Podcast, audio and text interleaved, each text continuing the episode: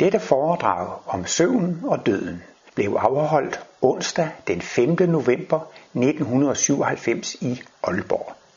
Arrangør af foredraget var Jørgen Jebsen, der begyndte at arrangere foredrag i Aalborg allerede i slutningen af 1970'erne for Mogens Møller og senere efter hans bortgang for Willy Køjper og Bertil Ekstrøm fra Martinus Institut. Selv holdt jeg mit første foredrag i efteråret 1982 i Aalborg.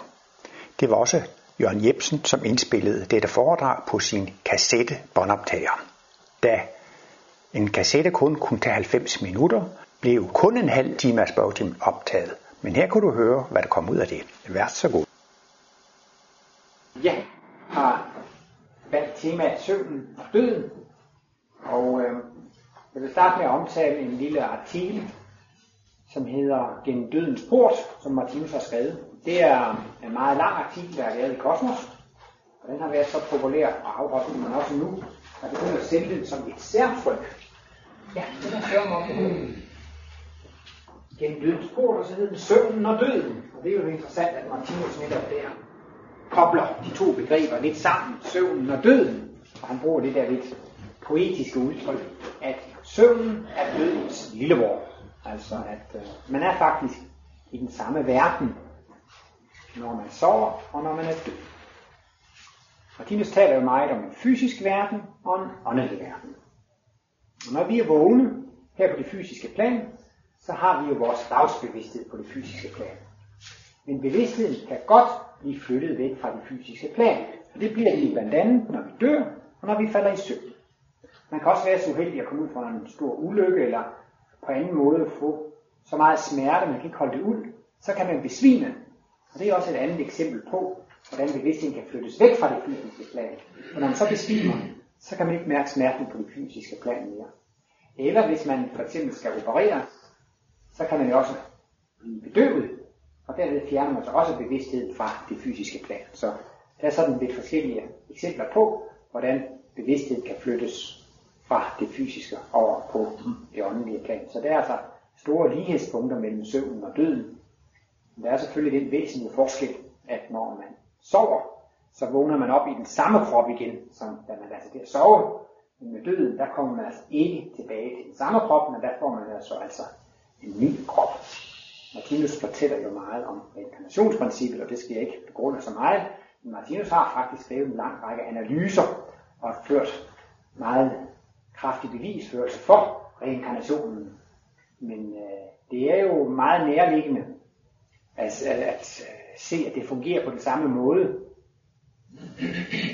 Man kan jo spørge sig, hvordan vi udvikler vi os i det her liv? Men lige så, eksempel, så simpelt. Vi udvikler os ved at gøre erfaringer. Det er jo vejen fremad, det er at gøre erfaringer. Og med til erfaringer, der hører det jo også det med at øve og træne. Hvis man vil blive bedre til en ting, så må vi samle mere erfaring om at træne og øve. Så i det nuværende liv, der kan vi altså kun blive bedre, takket være erfaringer, øvelser og træning. Og hvorfor skulle det så ikke også være sådan i, i livet i almindelighed? Så Martins forklarer altså, at alle de evner, anlæg og talenter, som vi er født med, er optrænet i tidligere liv. Ligesom mange af de evner, jeg har nu, dem har jeg optrænet de, de tidligere dage. Og Martinus forklarer også meget om, hvordan vi faktisk kan aflure naturen mange af, dens, mange af livets mysterier. Vi kan lære meget om livsloven og livsmysteriet ved at studere naturen. Og der ser vi også overalt i naturen kredsløbsprincippet. Især hvis man studerer biologi eller økologi, der lærer man jo, at det hele går i kredsløb. Sådan er det også alt, hvad der skal blive ved med at fungere, det bliver nødt til at gå i kredsløb. Sådan er det med bilhjulet. Sådan er det også, hvis man kommer til med atomaffald. Hvad er problemet? Det er, at det kan gå ind i kredsløbet igen. Så får man problemer, når affaldet hober sig op og så videre. Så kan det ikke fortsætte. Og netop også, det evige liv kan jo kun være baseret på et kredsløbsprincip. Vi ser det jo også i dagen. Altså, at øh, det er jo morgen, middag, aften og. Det er også et kredsløb. Vi har altså årskredsløbet, hvor det hele tiden går i kredsløb med vinter, forår, sommer, efterår og vinter igen. Og der kan man også se på livet, at det er jo faktisk også et kredsløb. Som så har barndommen, som man kan sammenligne med vinteren, ikke? og ungdommen, det er jo forår, og manddommen, det er jo når man står i sin manddomsfulde højde, som man siger, det er jo sommeren og efteråret, det er jo så alderdommen, hvor man kan høste frugten af et langt liv, ikke sandt? Så kommer så vinterzonen, hvilezonen, og så starter man på nyt. Man kan også øh, sige, at døden, det er en sommerferie. Det er altså et øh, paradisisk ferieophold. Og lige så vel som børn, de har sommerferie, så får vi det altså også. Og normalt er det jo sådan i skolen, at børnene, de lærer noget i første klasse, og så får de sommerferie. Så lærer man jo egentlig ikke ret meget under sommerferien, men så når man så kommer igen efter ferien, så lærer man igen, og så får man sommerferie igen. Og det siger Martinus ret tydeligt, altså at man udvikler sig ikke i den åndelige verden. Det er ikke der, man, man bliver bedre. Men altså, det er her i den fysiske verden, vi må gøre erfaring og træne og øve os. Så, så altså døden, ligesom søvnen, det er altså ment som sådan en ferie. Sådan er det vel også med at læse lektier. Og der er selvfølgelig godt nok nogen, der har prøvet på at, at lægge båndoptageren ind under hovedpuden og sådan noget, så man ikke kan lære noget, mens man sover. Og sådan noget. Men det generelle er jo altså, at man lærer heller ikke så meget, mens man sover. Det er, mens man er dagsbevidst her i den fysiske verden, at man, at man lærer. Så døden, det er jo altså en, en vidunderlig ferie. Og jeg kunne godt tænke mig lige sådan at gå igennem, hvordan det er at dø i de her forskellige aldre. Og Martinus gennem dødens port, han taler så om fire porte, hvordan det føles at dø som barn, som ung, som øh, i sin manddomsfulde højde, og dø i sin alderdom. Og øh, det er ikke noget nævneværdigt ubehag forbundet med at dø som barn. Og øh, når vi bliver født ind i den fysiske verden her, så er det som regel en jordmor til stede, eller læge eller sygeplejerske, der er sådan nogle fødselshjælpere. Og Martinus han øh, synes jo også, at ordet døden, det er så utroligt belastende. Det lyder jo så meget negativt. Og øh, i et af sine sidste foredrag var Martinus inde på, at i fremtiden, så vil man måske ligefrem gå bort fra at bruge ordet døden, det lyder så trist og så kedeligt, og det er så belastet, at man måske vil gå over til at bruge ordene fødsel nummer et og fødsel nummer to. Og fødsel nummer et, det er så der, hvor vi bliver født ind i den fysiske verden, hvor det er jordmoren, der hjælper os. Når man så dør, så synes han hellere, man skulle sige fødsel nummer to, fordi så bliver man født ind i en åndelig verden. Og lige så vel som der er fødselshjælper her i den fysiske verden, er det jo meget naturligt, at der også vil være fødselshjælpere i den åndelige verden. Og det er jo så dem, Martinus kalder for skytsengle. Det vil være nogle åndelige væsener, som tager imod os. Og nogle gange kan man altså også godt blive øh, modtaget af afdøde familiemedlemmer. Altså det kan være ens far eller mor eller søskende, de står og tager imod en, når man, når man dør. Der har jo også været meget her de senere år om de her nær dødsoplevelser. Først var der en masse udenlandske programmer om det, og så kom det også frem, at der er flere danskere, som har haft sådan nogle nær dødsoplevelser. Og det er altså mennesker, som har været udsat for ulykker, og eller folk, som er blevet opereret, og så har det set ud, som om de var døde. Men så alligevel af mirakuløs vis, så kom de tilbage til livet. De har så været skindøde. Og det er Kirsten Mørk Nielsen, hun hedder. Hende, der er præst i Hov, hun øh, var ikke øh, så religiøs dengang, men hun øh, overlevede altså, jeg kan ikke huske, hvad der var for en slags ulykke eller operation. Men øh, det gjorde så stærkt et indtryk på hende, det hun har oplevet der. Og øh, det fik en helt til et kursen om, og så læste hun til præst, og der var også en udsendelse i fjernsynet, hvor jeg så hende. Der var også en dykker, som var lige ved at dø. Han fik så også sådan en oplevelse af de skønne åndelige verdener. Han var ikke materialist før. Det lagde altså også helt hans kurs om. Det har åbenbart en utrolig kraftig indflydelse på folk, at de selv oplever, at der er et liv efter døden. Ellers går man jo alligevel er lidt bange for, hvad der kommer bagefter, og man har sådan lidt dødsfrygt. Selvom man har hørt om det evige væsen, så er man alligevel sådan lidt usikker på, hvad det er. Så det virker åbenbart meget stærkt på mennesker, hvis de kan få lov til at opleve, at der er noget øh, bagefter. Og Martinus har jo så også givet den beskrivelse af, hvordan det er. Og der taler Martinus om, at når man dør som barn, så er der altså nogle eventyrfortællere, eller eventyrforfatter, eller børnebogsforfatter, eller altså pædagoger, altså børn, barnets verden, det er jo en eventyrs- og en fortællingernes verden. Så den måde, man bedst kan tage imod børn på, tage imod dem på, det er jo så ved at fortælle dem nogle eventyr og, og, og nogle historier. Så i virkeligheden, så er det ikke særlig ubehageligt at dø som barn. De, de, de fortsætter i sådan en dejlig eventyrverden. Og øh, der er de så en vis tid, men de kommer jo sådan ret hurtigt tilbage igen. Fordi de har jo, når man bliver født, så har man jo været lang tid i den åndelige verden. Så er man altså ligesom blevet midt af det. Så derfor bliver de relativt hurtigt midt af at, øh, at være der. Hvis man skulle sammenligne, så skulle man jo sammenligne, jamen, hvis I nu har sovet hele natten, så stod I op, og så får I morgen, og sådan noget. Så siger folk, nej, nu skal du gå hen og sove igen. Men så kan man ikke lægge sig ned og sove 8 timer mere, fordi man er sådan relativt veludvigt, Og det er så ikke sådan, at børnene, de kan altså ikke sådan blive sendt tilbage til et langt ophold. Så de kommer igen relativt kort tid efter. Øh, Martinus han er ikke glad for at sætte tal på, men øh, han siger sådan som tommelfingerregel, så er man lige så lang tid på det åndelige plan, som man er på det fysiske plan. Så hvis man dør som 70-80 år, så kan man være en 70-80 år på det åndelige plan. Men altså hvis man så lader være. Men altså, hvis nu man dør som, som 4-årig, så er det jo ikke noget i vejen for, at man kan komme tilbage før et eller to eller tre år. Altså, der, kan, der, gå, der kan du gå meget hurtigt. Han er i alle fald i nogle fordrag nævnt, hvis man dør som soldat, ikke? det kan være, at en ung soldat på 18 år, der bliver dræbt. Der har han sagt, de kan komme tilbage allerede efter 6, 7, 8, 9 år. Så det vil altså sige, at hvis man øh, dør meget ung, så kan man komme relativt hurtigt tilbage, fordi man er jo midt af den åndelige verden, og øh, har jo lyst, livsløst og livsmål. Der er også noget, det er sjovt at sige, at Martinus han øh, siger jo også, at når nu børnene, de kommer fra den åndelige verden, de kommer senest fra det, Martinus han kalder for salighedsriget. Han siger også, det kan man næsten se på deres øjne, også især hvis det er dyre unger. Han siger, de har salighedsglans i øjnene. Det er stadigvæk sådan en fysisk refleks af denne skønne overjordiske verden. Og jeg synes også, at når det drejer sig om kattekillinger og hundevalper og kaninunger og kalve og sådan noget, jeg synes, de har en bedårende øjne, disse dyre unger, og de ser så uskyldige ud. Det mener Martinus, det har altså også sin forklaring i, at de netop kommer fra den her skønne åndelige verden, så er de stadigvæk salighedsglans i øjnene. Ja, det er måske også en helt anden parentes, men Martinus siger også, også at slutningen af salighedsriget, det er mineralriget. Og der ser man så altså også denne salighedsglans i mange af mineraler og krystaller. Og han siger altså også, at blomsterne har også en del af deres bevidsthed stadigvæk i salighedsriget. Og derfor kan man også netop også se denne, denne salighedsverden i alle disse smukke blomster. Så det, den, den skønhed, der er i krystallerne og i blomsterne, og så også i de her de nyfødtes øjne, ikke sandt? Det er altså en refleks af en højere og åndelig verden.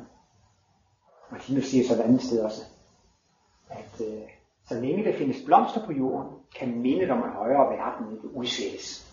Det er, altså det, det er alligevel det, der danner baggrund for den skønhed, man kan træffe der. Så børnene oplever egentlig ikke noget større ubehag ved at dø tidligt der. Men han siger, at det kan være noget ubehageligere at dø som ung. Det er så den anden af dødens porte. Fordi at øh, der er alligevel kommet så meget ind i det fysiske liv. Og øh, man kan jo sige, at de unge mennesker, de har jo store forventninger til livet. Det, det kan man jo også selv dengang nogen. Der er så mange unge mennesker, de tror alle sammen, de skal blive direktører, og de skal blive rige, og de skal blive lykkeligt gift, og de skal få en masse børn, og de skal få stor succes. Jeg synes, det er enestående unge mennesker, de har alle sammen så store forhåbninger til livet.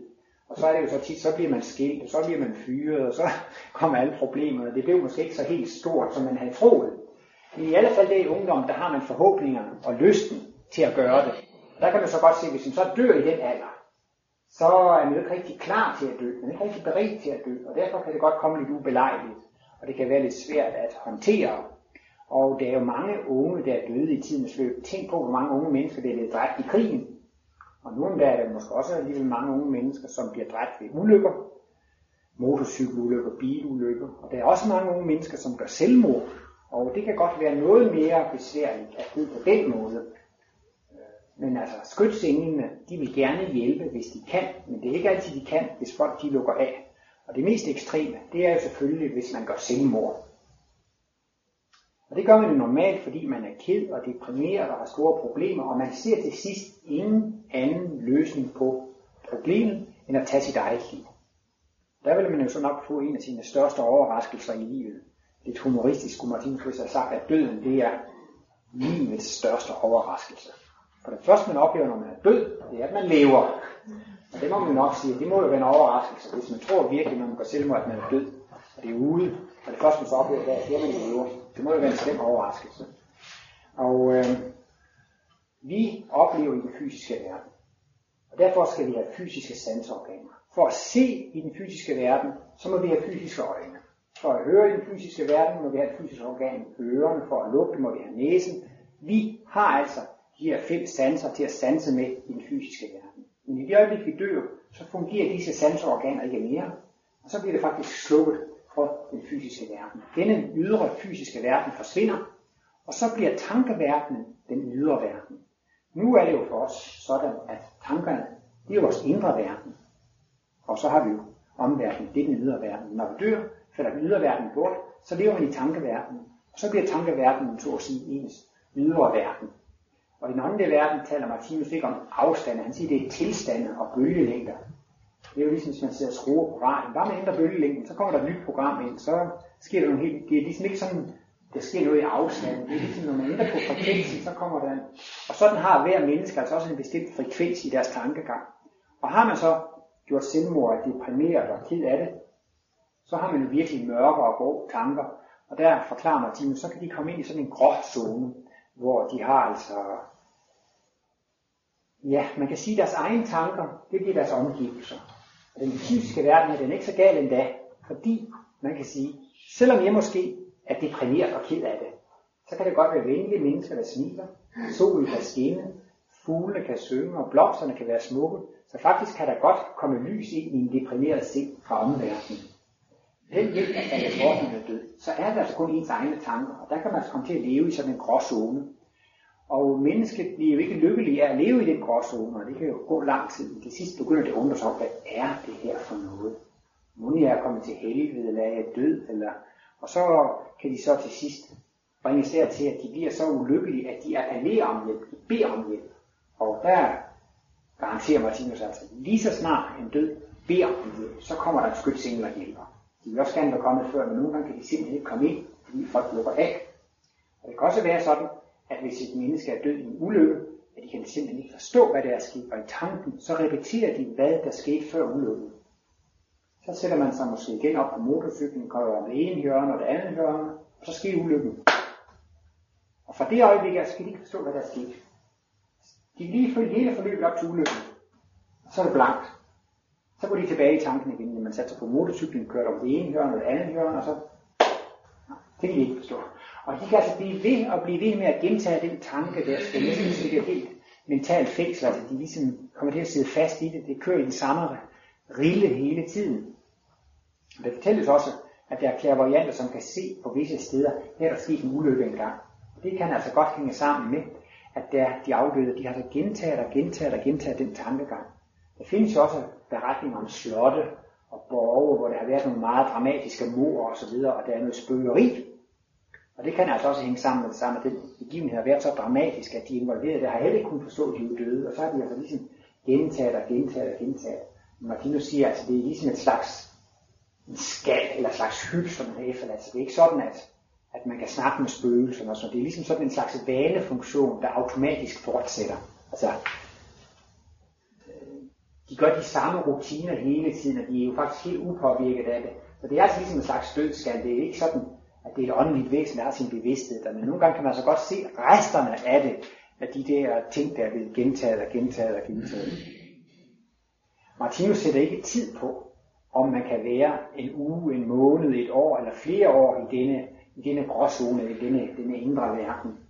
Øh, det, der er så svært, det er altså det, at man skal gå fra den fysiske verden, og så skal man over i den åndelige verden. Og specielt hvis man er meget materialistisk, ikke anerkender den åndelige verden, så søger man så tilbage til den fysiske verden.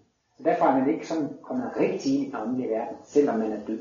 Og Martinus taler altså også om sådan en mellemzone. Og i katolicismen taler man jo meget om skærsilden. Og Martinus siger, ja, altså, der kan godt være noget om det. Den skærsild består altså i, at man bliver overladt til sine egne tanker. Og så er det netop, hvis man er sur og vred og bitter og utilfreds eller ked af det og så videre, jamen så er der altså sådan nogle ting, man kommer til at opleve, og det kan også også godt være meget ubehageligt, og på den måde er det en slags skærsigt.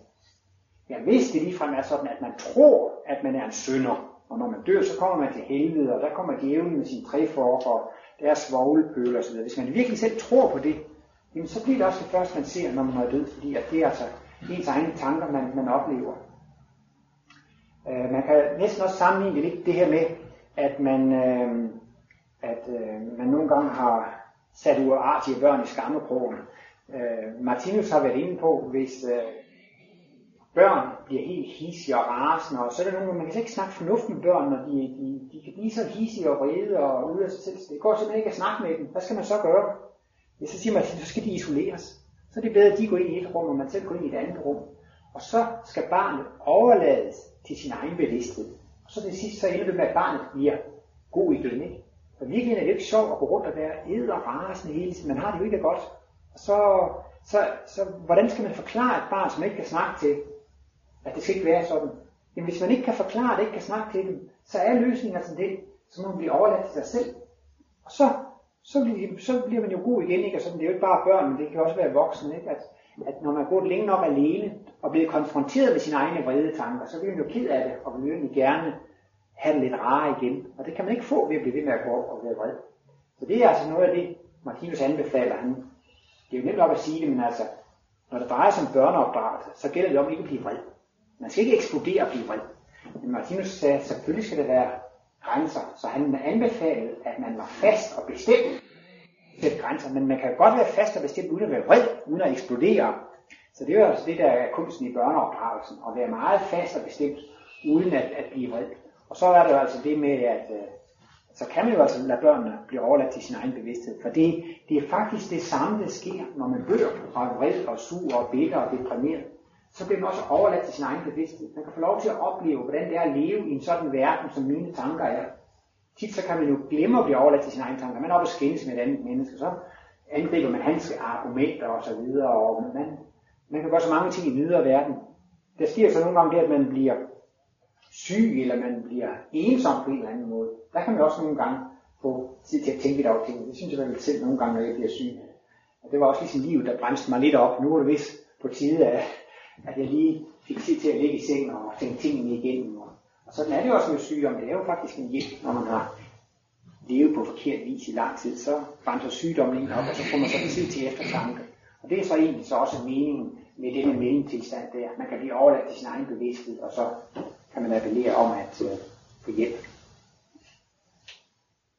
Men det kan også være problematisk at gå igennem den tredje port, hvor man altså dør i sin manddomsfulde højde. Og der siger Martinus så ganske kort, at hvis man er meget egoistisk, og hvis man er meget materielt bundet, så kan det være svært med den overgang, når man dør.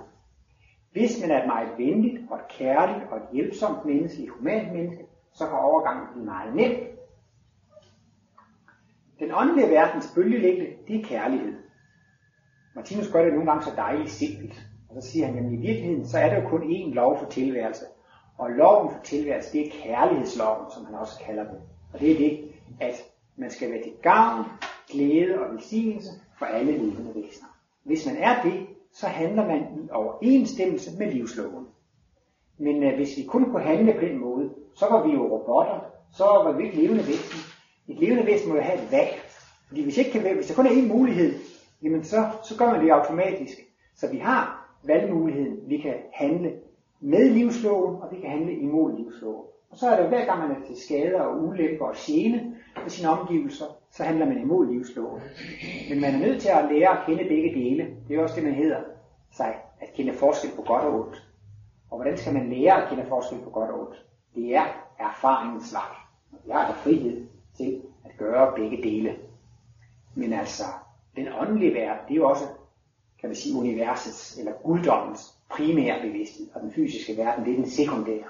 Og det er jo så i den fysiske verden, den sekundære bevidsthed, vi kan gøre de her erfaringer med at gå imod livslov. Men det kan man ikke i den åndelige verden.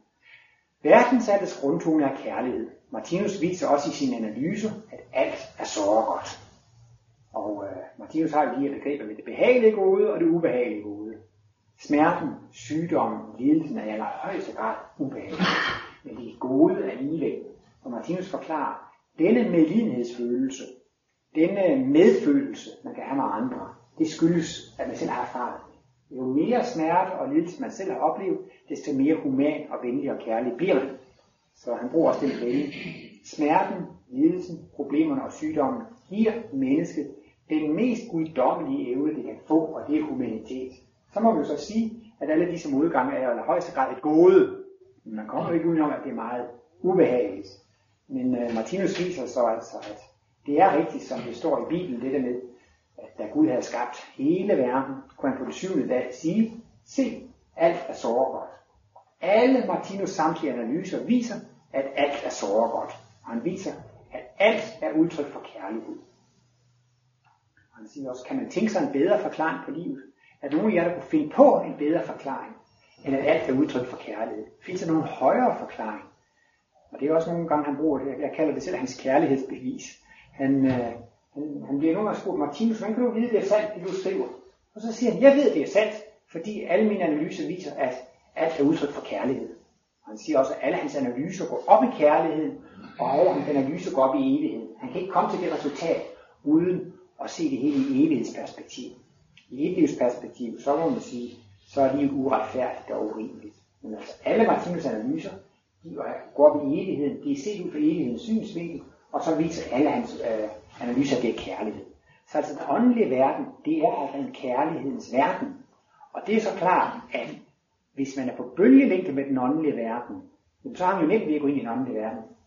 Altså, hvis to mennesker snakker sammen, så er det nogen, man siger, ham snakker jeg godt med, for vi er på bølgelængde. Men hende kan jeg ikke snakke med, for vi er ikke på bølgelængde. Og sådan er det jo altså også en overgang efter døden. Jo mere human, kærlig, venlig og hjælpsom man er, desto nemmere bliver overgang til den åndelige verden. Og øh, der kan man så altså sige, det er jo måske nok der, man oplever de, det største ubehag ved at gå over til den åndelige verden. Altså denne, der, hvor man har mest skærsild, altså der, hvor man har sværest ved at orientere sig. Det er hos den intelligente materialist. Hvis nu man sådan skulle se på forskellige udviklingstyper, så var det måske ikke så overraskende, at Martinus fortæller, at dyr og naturmennesker, de oplever ikke noget nævneværdigt ubehag ved at dø. Det er jo klart, det må jo gå instinktivt automatisk, det må jo ske i pagt med naturen. Og så kan man måske også godt forestille sig, at højt udviklede mennesker med kosmiske glimt og kosmiske bevidsthed osv., de har selvfølgelig også meget nemt ved at dø. Øh, religiøse mennesker, de har heller ikke så stort ubehag ved at dø. Men der, hvor det altså bliver værst, det er jo faktisk altså for den intelligente materialist, ikke sandt, som virkelig kun tror på, på et liv, og ikke anerkender den åndelige verden, altså fordi vedkommende er meget jordbundet og meget materiebundet. Fordi så når man så er død, så søger man sig tilbage til det fysiske plan, og så blokerer man sig selv for at gå ind i de højere åndelige verden.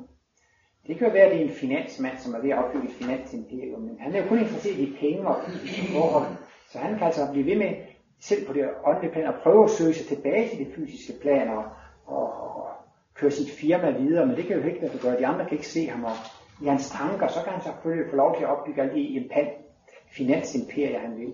Han kan også godt der have en angst eller en frygt for, at nu bliver jeg nok ruineret. Det her, han kan ske miste alle pengene. Og netop hvis han får den tanke, så kommer han også til at miste det i den åndelige verden. Så det kan altså også blive en slags skærs at man kan komme ud i mange ubehagelige situationer, hvor han så går og banker og mister alle sine penge. Det kan også være ubehageligt, hvis man har fysiske laster. En last, det er jo altså en vane, som man ikke kan komme ud af. Og sådan fysiske laster kan man jo sige, hvis man øh, er alkoholiker, hvis man ryger, eller hvis man er narkoman, eller og det findes også mennesker, som har sådanne seksuelle laster, eller sådan nogle forfærdelige perversiteter, så man ikke kan komme ud af det. Og de kan ligefrem prøve at besætte folk på det fysiske plan for at komme tilbage. Så det vil altså sige, at af, ny afdøde narkomaner og ny afdøde alkoholikere, som ikke kan forstå, at de er døde. De kan måske godt i den åndelige verden forestille sig, at de drikker en øl eller får et skud narkotika eller sådan noget. Men de kan ikke føle den samme sus, den samme rus. Men det kan de altså føle, hvis de søges ind i nærheden af dranker og alkoholikere. Så de prøver altså ligesom at, at få indflydelse der. Og øh, der har der også sådan været beretninger altså om, om alkoholikere, narkomaner, og også øh, mennesker, som er blevet besat af, af, af sådan af, øh, narkoman, alkohol, eller også ligefrem af, af vrede mennesker, voldsmennesker og folk med seksuelle øh, perversioner. Martinus gør jo gældende, at der findes ingen djævler og dæmoner osv., men øh, det er jo Martinus billede alt så Der findes ikke det, at det er en guddom, der kæmper mod en djævel. Martinus forklarer jo det. Hele universet er et levende væsen, og dette levende væsen er guddommen. Men hvordan kan det så være, at der er noget, der er ondt? Hvad siger Martinus jo? Ondskab skyldes uvidenhed. Og det er måske et af Martinus mest kendte citater, der hvor han siger, der hvor uvidenheden fjernes, ophører det såkaldte onde med at eksistere. Så er det jo folk, de kan jo godt på grund af uvidenhed være ude mod andre mennesker. Og øh, bare fordi man dør, så bliver man ikke nogen engel. Man kan jo godt sige, at han har onde tanker før man dør, men så har man også onde tanker efter man er død. Så derfor kan man altså godt møde nogle ubehagelige nyafdøde ånder. Og det er også en af grundene til, at Martinus advarer imod pendulering, automatskrifter, trancetale.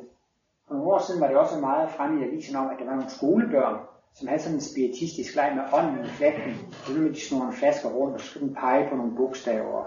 Så kan man stave noget og få, få nogle, beskeder fra den åndelige verden. Og efter avisreferaten, så kan man se, at det tydeligvis er lykkedes mange af de der skolebørn at få kontakt med ånder med.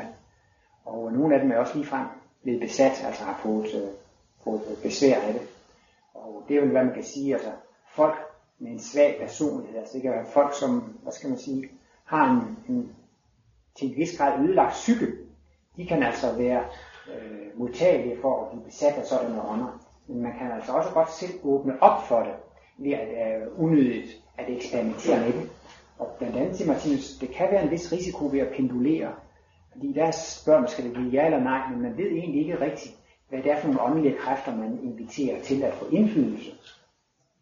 Det er, jo, det er måske også en røverhistorie, men jeg, jeg var i Sverige en gang, hvor der var et medium, og hun sagde, at hun engang har set en mand sådan gå med sådan nogle øh, magnetpinde, det hedder, ligesom det, der søger, søger men Han brugte nogle sådan to øh, jernpinde, og så bare sidde nogle vand over i huset. Ikke? Så sagde hun, at hun kunne se sådan op i det ene hjørne i stuen, der kom der sådan en afdød alkoholiker ind. Han kom til syne. Og han begyndte ligesom at blive interesseret. Hvad er det, der foregår her? Og altså, at, at ved at han lavede sådan et eksperiment på den måde der, så tiltrak det altså et væsen fra den åndelige plan, som så begyndte at blive interesseret i, om han kunne få indpas der. Og derfor sagde Ulf også det ham bagefter, og siger også selv, på, også på Martinus anbefaling. Hvis man endelig vil gøre sådan noget, så skal man bede til Gud om beskyttelse og ret bevidsthed om guddommen. Og så, så forsvinder de altså også, så kan de ikke, så kan de ikke få indpas. Så generelt så anbefaler man ikke, at man sysler med sådan noget, men skal man nu, eller vil man nu absolut alligevel sysle med sådan noget, så siger han, at det er meget vigtigt, at man i forvejen retter bevidstheden med guddommen, og så jo beder til, at det man gør, det kun må komme, falde ud til at blive til gavn og glæde for, for, for mennesker. Og derfor skal man slet ikke sysle med sådan noget af nysgerrighed. Det er der stor risiko ved. Så de, de er åbenbart på opmærksom der på det åndelige plan, og det er nogen, der så begynder at, at lege med flasker eller pendul, eller de der pinde, eller hvad det kan være, at de prøver på at, at søge sig ind. Det siges jo også, at klærvoyante kan se, hvis der er sådan en fuld mand, der rakler ud af et værtshus, så kan der sådan komme en helt, helt hale af afdøde alkohol bagefter ham. Eller øh, det de også folk, der sidder og drikker, at, at der kan være mange ånder til stede, som ligesom øh, føler sig ind på det. Det kan også godt være, at der er nogle afdøde her, der det foredrag i aften, fordi de er interesseret i kosmologien, at de også kan lide den atmosfære. Men det, der, det er jo ikke noget skadeligt, det har jeg sparket lidt op. Men altså, der er nogle nye afdøde, som flytter sig tilbage til den fysiske verden på grund af fysiske laster. Og det kan altså være lidt uheldigt.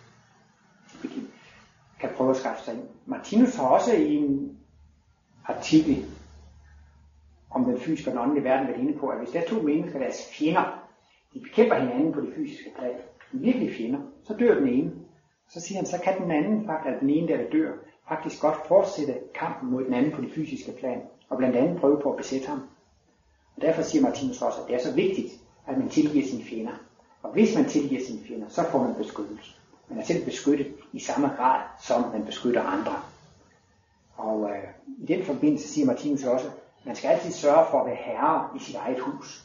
Og altså man kan sige, det, den er faktisk meget galt, hvis man begynder at høre stemmer. Altså, der findes jo mennesker, som gang imellem begynder at høre stemmer, altså fra den åndelige verden. Og så kan man sige, så den allerede ved at være meget galt. Og altså, man skal slet ikke begynde at, at lytte til de stemmer og gøre, hvad de giver en besked på, og begynde at snakke med dem osv. Lægerne siger tit om de skizofrene, at det er hallucinationer osv., men, men jeg synes, det ser meget ud til, at det må reelt være, de hører altså ånder fra den, fra den åndelige verden. Og jo mere man parlamenterer det, dermed jo større indflydelse får de. Og kan mennesker lyve, før de dør, så kan de også lyve efter de dør. Så kan sådan en ånd måske sige til en kvinde, ja, jeg er apostlen Johannes, og jeg har en stor mission, du skal føde et nyt kristusbarn, og nu skulle du gøre, som jeg siger. Det er jo klart, så, så synes man, det er utroligt, at man skal føde et nyt kristusbarn, og det er en apostel, der har snakket til mig, eller, eller hvad de nu kan finde på. Og tit siger Martinus, at det kan være mennesker, som ikke har fået nogen særlig succes her i livet.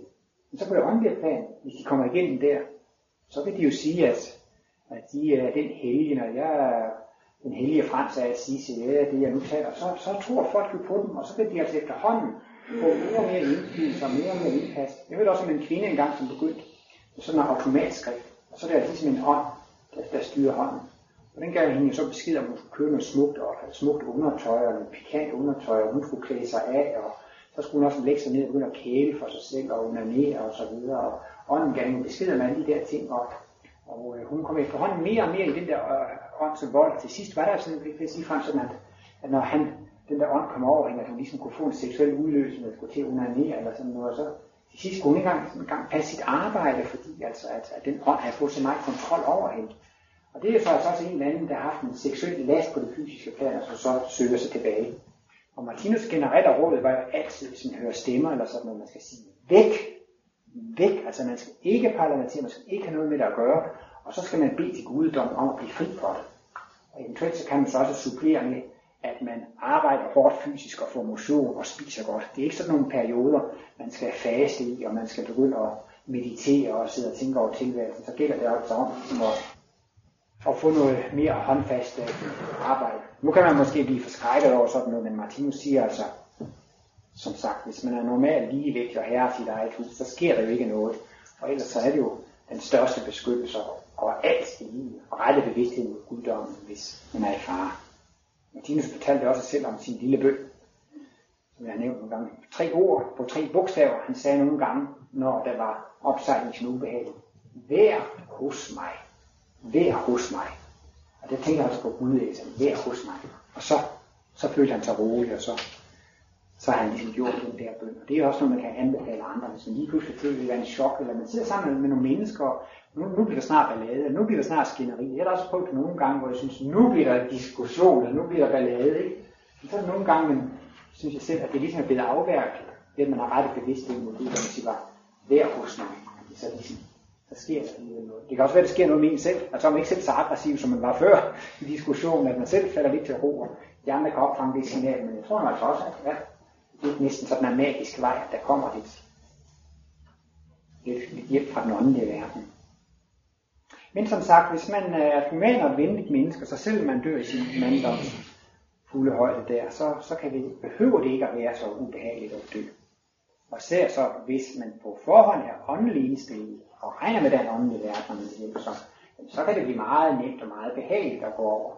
Og mange af de der nærdødsoplevelser, de fortæller jo også om, at folk, når de er gået igennem den tunnel, det er jo også interessant, at selv personer i Danmark, så personer alle i andre lande og på andre kontinenter, det er så mange sammenfaldende træk i de, de historier, de har fortalt der om de der nærdødsoplevelser. Og det er så også et meget karakteristisk træk for dem, at de bliver modtaget af en lysgestalt, eller en engel, eller nogen, nogen fra slægten over på den anden side af føler så det umådeligt.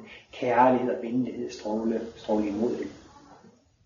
Øh, min egen farmor, hun øh, døde øh, på den måde, at øh, hun lå der, og fingrene blev blå, og hun havde ikke meget liv i den. Så lige pludselig, så rejste hun sig op. Hun satte sig op i sengen og slog ud med armen og sagde, åh, og så faldt hun sammen og døde.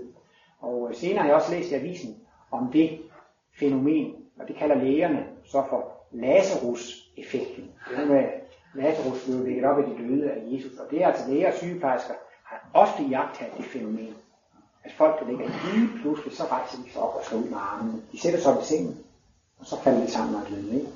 Og øh, Martinus har i hvert fald i foredrag omtalt den lille pige med svovlstikkerne. Han havde ligefrem et lysbillede, hvor der var en tegning af den lille pige med svovlstikkerne. Det er jo ved ved juletid, og det er koldt, og det er frost, og hun har ingen mad, og hun er derude i frosten. Og øh, det er jo sådan et trist eventyr, for det ender jo med, at lille pige, hun dør simpelthen. Hun fryser ihjel derude på gaden. Men den eneste trøst, hun har, det er, at hun sidder en tændstik, og så kigger hun så ind i lyset. Hun kan måske varme sig lidt ved det, men hun kigger ind i tændstikflammen. Og så skriver H.C. Andersen, at i lyset, så ser hun sin kære gamle bedstemor. Og så kommer hendes bedstemor og tager imod hende. Og så dør pigen altså der. Og så siger Martinus, det er faktisk en kosmisk analyse. Sådan kan det godt foregå. Sådan kan det godt ske. Og det tror jeg altså også, at det må være det, der sker, når de dør med den der laseroseffekt, ikke sandt? Altså, allerede lige før, da de dør, så, så kan de se, at der er nogen fra den åndelige plan, som er kommet for at, at hente dem. Og det må man jo sige, at det må da være en, en meget smuk og en meget fin måde at dø på. Og det er jo så også den fjerde port, der man går igennem, når man dør af alderdom. Og det er jo altså også det bedste. Og man kan sige, at man skal virkelig være meget glad og taknemmelig for at få lov til at, at blive gammel. Fordi så kan man få lov til at afslutte sin livscyklus på en helt normal, på en helt normal måde. Øh, der er også en bog, der hedder Menneskehedens skæbne. Det er god nummer i den der serie. Og der kommer Martinus også lidt ind på det her problem. Og der taler han om, at hvis unge mennesker har ligget i sygeseng i lang tid før de dør, så er de bedre forberedt til at dø. Og det gælder selvfølgelig også for mennesker i andre aldre, altså at der hænger noget sammen med, at de åndelige lægemer, de modnes jo lidt mere, når man bare ligger i syge seng. Så kan man jo ikke fare rundt og gøre så mange ting i den ydre der. Så må man jo alligevel sådan mere ligge og tænke på ting og huske tilbage på ting osv. Det er jo en mental aktivitet, og så bliver de åndelige lægemer bedre modne til den her overgang til det fysiske plan. Så selvom jeg gav nogle eksempler på, at det er ubehageligt at dø som munk, så, så kan man sige, at det er i hvert fald mindre ubehageligt, hvis de har været syge lang tid inden de døde, fordi så er de åndelige lægemer blevet modnet. Men altså, der sker en naturlig modningsproces i forbindelse med alderen, så man er altså også meget bedre rustet til at dø. Altså, de åndelige lægemer er mere bæredygtige, når, når, når man dør. Og Martinus har jo det her smukke billede med solen, at øh, solen når den går ned, så kan det nogle gange være de mest fantastisk smukke scenerier. Ikke? Altså, det er, især hvis det er skyer på himlen, ikke? så er alle mulige røde og violette og purpuragtige farver, og det kan være et umådeligt smuk solnedgang. Og så når solen er borte, så tror folk jo ikke, at solen er forsvundet, den aldrig kommer mere. Alle ved jo, at efter et vist stykke tid, så står solen op igen, og så bliver der en ny solnedgang. Så det er jo ikke så tragisk, når solen går ned i en solnedgang. Og så ved vi jo, når den går, når den går ned fra vores horisont, så lyser den jo over andre kontinenter. Så vi skulle også bare vende os til at se på det der med døden med de samme øjne. Når der er et menneske, der dør, så skulle man bare sige, når jeg nu gik solen jo ned her, men så står solen jo op et andet sted, og solen den kommer jo igen. Og derfor bruger Martinus også tit de her billeder fra naturen, hvor man jo også ser det samme kredsløbsprincip, som man ser der ved døden. Der er selvfølgelig også nogle gange, når man skal se på solnedgang, så er det så gråvejr og mørkt og trist. Og det bliver faktisk næsten ingenting at se. Så er solen forsvundet, og det var da en kedelig, trist solnedgang. Og man kan selvfølgelig også godt på en måde få en lidt trist død. Det er så især, hvis man måske hele livet, og også stadigvæk før man dør, er utilfreds. Man er skuffet, man er bitter, man er irriteret, man kværulerer, og altså man er helt igennem utilfreds med livet. Der kan man sige, det er altså ikke den bedste forudsætning heller for at dø. Også selvom man så er blevet gammel og til en vis grad modne, så bliver det alligevel sådan lidt af en kedelig solnedgang, hvis man dør i uh, den sindstilstand. Så derfor er det altså meget godt også at bruge sin uh, alderdom til ligesom at bearbejde sit liv lidt. Og det er også meget kendt, at folk meget tidligt, meget ofte husker tilbage. Eller, der jeg også mærke til med min far, som døde for nogle år siden, da han blev gammel, så begyndte han også at sidde og kigge på billeder, og han var især glad for at se på billeder fra sin barndom, og så er bladet i billedalbummet, og, og det, det siger man også tit, at, at folk de går lidt i barndom, når de bliver gamle, ikke? Så de begynder at huske tilbage. Men det er altså en meget udmærket funktion, at man ligesom begynder at, at gøre lidt status over sit liv. Og der er det jo så, det gælder om at være glad for alt, hvad man har oplevet. Og det er en god ting at være glad for alt dejligt, det behagelige, man har oplevet. Men kosmologien i baggrunden bliver det måske også nemmere at være taknemmelig for al den modgang. Altså være taknemmelig for det ubehagelige gode. Netop det. Jeg synes også selv, man kan mærke i løbet af livet, at hvis man har haft nogle store problemer, som ligger meget lang tid tilbage, så kan man i dag godt være taknemmelig for det. Ikke? Mm. Det kan være i parrelationer og på arbejdspladsen og sådan Man har haft nogle forfærdelige problemer, da man var midt i det. Men bagefter, i dag er det ikke så slemt. Og nogle gange kan man sige, der lærte jeg virkelig noget af det. Og havde jeg ikke været igennem det, så ville det ikke have været det menneske, der er i dag. Og der, det er også en god proces, at man ligesom kan se på de der store, svære problemer med positivitet. Og at man ligesom kan være taknemmelig for det. Det er jo sådan her sang, jeg takker livet. Der bliver jo værd. Kan du ikke synge den for os? Stil den for os. Spil den. Men det er altså, jeg takker livet. Og det er jo helt, i hver vers, så kommer der en hel masse forfærdelige problemer og ubehageligheder. Modgang, som der har været. Og så kommer refrænet hver gang, men jeg takker livet. Og det er altså også helt fantastisk, hvis man sin alderdom kan komme dertil, at man er taknemmelig for alt det, man har oplevet. Så er man altså virkelig godt rustet til at, øh, til at dø. Og det er en, en smuk proces at dø.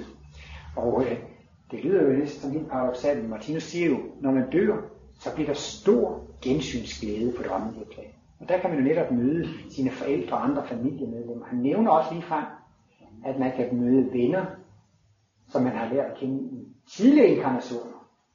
Det kan jo godt være, at vi har nogle bekendte fra tidligere liv, som ikke er på det fysiske plan nu. Hvis man er lige lang tid på det åndelige plan, og lige lang tid på det fysiske plan, så må vi jo regne med, at halvdelen af menneskene, der er knyttet til den her jord, de er over i den åndelige verden. Det skulle da være mærkeligt, om man ikke også havde en masse venner der. Og de kan så, som skytsengler, tage sådan en form, så de bliver genkendelige. Så Martinus siger, det bliver altså en stor gensynsglæde, en stor fest. Så synes man jo også næsten, det er helt grotesk at forestille sig, at her på det fysiske plan, så sidder man og græder over, at der er en, der er død. Og så er den afdøde fester over på den åndelige side, og det er en dejlig lys verden og stor gensynsglæde. Og Martinus maler jo også op, hvordan man kan høre den skønneste sfæriske musik, og det kan være lys og farve i alle perlemors nuancer, og man kan have store, smukke landskaber. Og, altså det er så vidunderligt smukt og skønt, og man kan have den her store gensynsglæde. Og man kan sige, man kan næsten øh, være lidt til gene for dem, der er døde, hvis man sørger for meget. De kan godt på en eller anden måde føle sig på den bølge og mærke, at man er ked af det. Det man kan gøre, hvis man vil hjælpe dem, der er døde, det er at sende dem en venlig tanke. Hvis det er ens far eller mor eller søskende eller bekendt, der er døde, så kan man sende dem en venlig tanke. Man kan ønske, at de må komme ud af den her skærsildzone, at de må møde lyset. Men noget, de kan opfange, det er også det, hvis man sender dem en taknemmelig tanke, en venlig tanke, og altså takke dem for det, de har været. Og der kan man også både takke for det gode og det onde, fordi man selv kan se, at det har været godt alt sammen. Og øh, specielt altså, så hvis der er nogen, som har gjort selvmord, eller nogen, der har været meget bitre og vrede, eller nogen, der er død en ulykke, der kan det altså også hjælpe dem, hvis man beder for dem. Altså man sender dem venlige og positive tanker, så der kan man altså få meget øh, kontakt med dem, og det er altså også noget, de sætter pris på. Så man tror måske, man er et godt menneske, hvis man græder meget og sørger over en nær, der er død. Men i virkeligheden så... Og Martinus kom jo også med en sjov oplysning, og det er det, at vi kan være sammen med de døde, når vi sover. Men vi kan jo som regel aldrig huske det. Men der findes dog tilfælde af folk, som vågner op med en fornemmelse af, at de har været sammen med deres afdøde far eller deres afdøde mor om natten. Og nogen kan ligefrem have en klar drøm af det, at de har været sammen med en afdød. Og øh, det er efter alt sandsynligt rigtigt. Og som sagt, vi kan tit være sammen med dem. Hvis man kun har et liv, så kan jeg godt forstå, at folk de græder spandevis af tårer over, at deres elskede er, er forsvundet, og de aldrig skal møde dem mere. Det er da dybt tragisk, hvis man vil være glad for, at mennesker aldrig skal være sammen med de mennesker mere. Og så har man jo så, ham så reinkarnationen, så har man jo lidt trøst, jamen, så kan vi jo træffe i næste liv, men det kan jo godt vare lang tid. Men så synes jeg, at det er en dejlig tanke, at man kan være sammen med dem under søvnen, så man behøver ikke at vente ret lang tid. Og Tinus har også lige sådan forklaret, hvis der er to, der snakker sammen en aften, og de diskuterer gevaldigt, og Nå, nu er det på scenen, nu må vi jo så gå hjem og sove. Så siger han, de kan udmærket godt fortsætte samtalen og diskutere videre på det åndelige plan, men de kan som regel ikke huske det. Ellers så er reglen jo også der i de åndelige verdener, at der også væsener fra højere verdener, de kan altid gå længere, de kan altid gå ned til, om så sige, lidt lavere planer. Men altså dem på de lavere planer kan jo ikke tiltvinge sig adgang til, til de højere planer, men altså, men altså hvis de der væsener fra den åndelige verden vil, så kan, de altså, så kan man altså mødes der om, om natten. Og det synes jeg da på en måde er en meget trøsterig tanke. Både det, man kan være sammen med de afdøde, når man sover, og det, man kan mødes i næste liv. Og øh, man er ikke vant til sådan nogle udtryk, men Martinus bruger sådan nogle udtryk som, når man er gammel, så er det skønt at dø. Hvis man er syg, så er det skønt at dø. For ja, han har også været inde på det med hjertetransplantationer. Men i hvert fald nødt til at slå donoren ihjel. Det kan man jo sige, det er jo drab, i hvert fald med hjertet. Man kan ikke have en donor, hvor hjertet er gået i stå. Det skal jo være donoren, der skal hjertet jo slå. Det måske at hjernen, øh, hjernen er slået i stykker, men altså de, det er jo et slags mor. Og så er det også det, at det kommer et fremmed organ ind i et fremmed univers. Som Martinus siger, det er da utroligt kompliceret med en hjertetransplantation det er meget nemmere at få en ny krop. Og man synes jo også, det er så trist og så tragisk at dø. Men selv det også, når man siger, hvis man er så syg og dårlig, at hjertet ikke fungerer mere, det vil være en befrielse at komme ud af sådan en krop. Så det er virkelig skønt at dø, når man er syg. Men altså også, når man er gammel, at kroppen er slidt. Og han siger jo altså også, at ånden på den anden side vil altså føle sig så utrolig let hvis han bruger nogle af det, det er ligesom også om foråret, der kan tage sin meget tunge vinterfrakker væk, og man vil føle sig lækker. Så kan man springe ud over blomstrene inde i solskin med fuglesang og så videre. Det må være en helt skøn fornemmelse, hvis man er sådan en helt gammel, nedslidt olding, som lige pludselig føle for, så lidt man er. Så det er i virkelighed en dejlig stor befrielsesproces. Jeg ved ikke, der er sikkert en del af jer, der også kender til Elisabeth Kübler-Ross. Det er en læge, som har arbejdet meget med døden, og hun har skrevet en bog om, om, om døden og den døende, og hun har hjulpet mange folk til at dø. Jeg har faktisk selv skrevet et brev til hende, en gang jeg skulle til USA. Hun var der ikke, jeg, jeg traf hende ikke. Men øh, på hendes brevpapir, så var der også ligesom sådan en sommerfugl, der flyver ud af en puppe. Og jeg synes, det var faktisk et meget smukt symbol. Fordi det er jo et meget træffende symbol for, for døden. Hvis man er syg, og man er gammel og sådan noget, så er man jo faktisk spærret ind i sådan en puppe, sådan en sådan et puppehylster, ikke sandt?